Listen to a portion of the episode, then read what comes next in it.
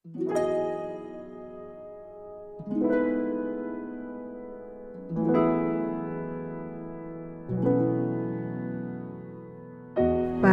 kekasih Tuhan, di mana pun Anda berada, kita jumpa lagi dalam Kencan dengan Tuhan, edisi hari Jumat, tanggal 12 Juni 2020. Dalam Kencan kita kali ini, kita akan merenungkan bacaan dari Injil Lukas bab 6 ayat 45. Orang yang baik mengeluarkan barang yang baik dari perbendaharaan hatinya yang baik. Dan orang yang jahat mengeluarkan barang yang jahat dari perbendaharaan yang jahat, karena yang diucapkan mulutnya meluap dari hatinya. Suatu ketika, ada seorang ibu yang bercerita sambil menangis. Ketakutan karena akan diceraikan oleh suaminya. Sejak kecil, ibu tersebut selalu mengalami perlakuan kasar dari ayahnya, baik itu perkataan maupun tindakan.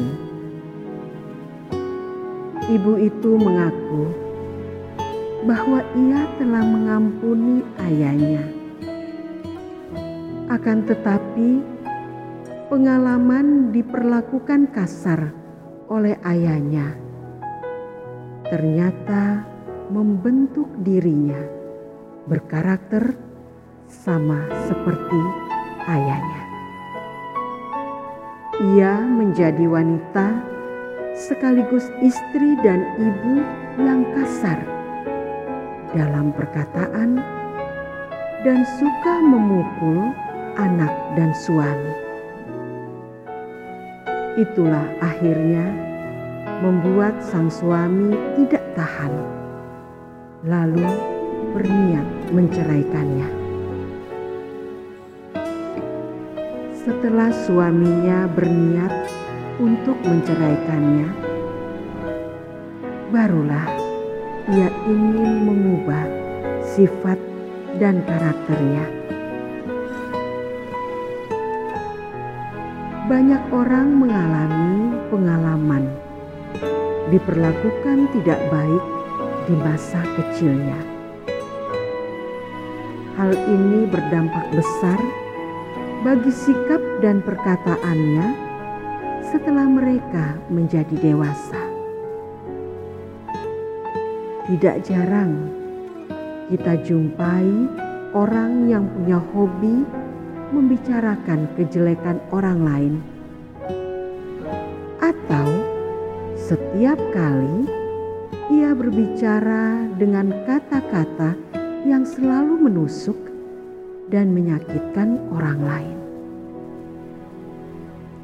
Kalau kita telusuri, pastilah ia mengalami pengalaman disakiti di masa lalunya dan berbekas hingga kini.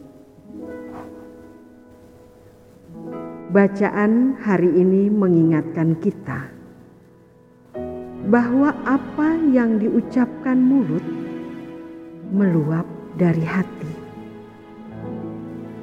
Kalau hati kita penuh sukacita, maka perkataan kita akan memberkati orang lain.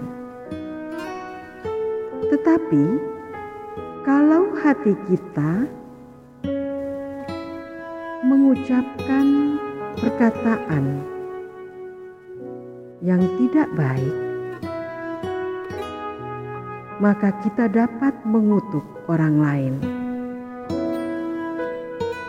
Apakah kita pernah menjumpai seseorang yang senantiasa berpikir negatif tentang orang lain,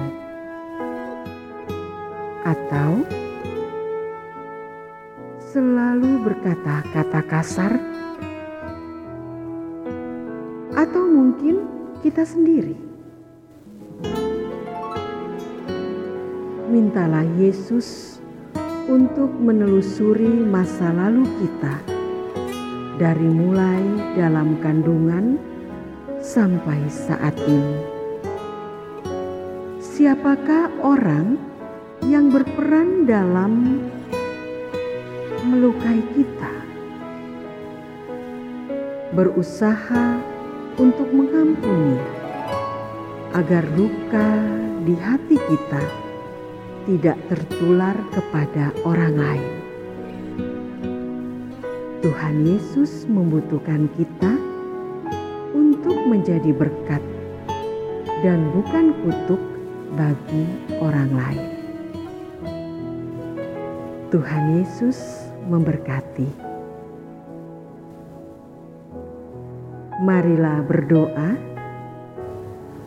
Tuhan Yesus, jadikanlah hati, pikiran, perasaan dan perkataanku menjadi hati, pikiran, perasaan, dan perkataanmu. Itu sendiri. Amin.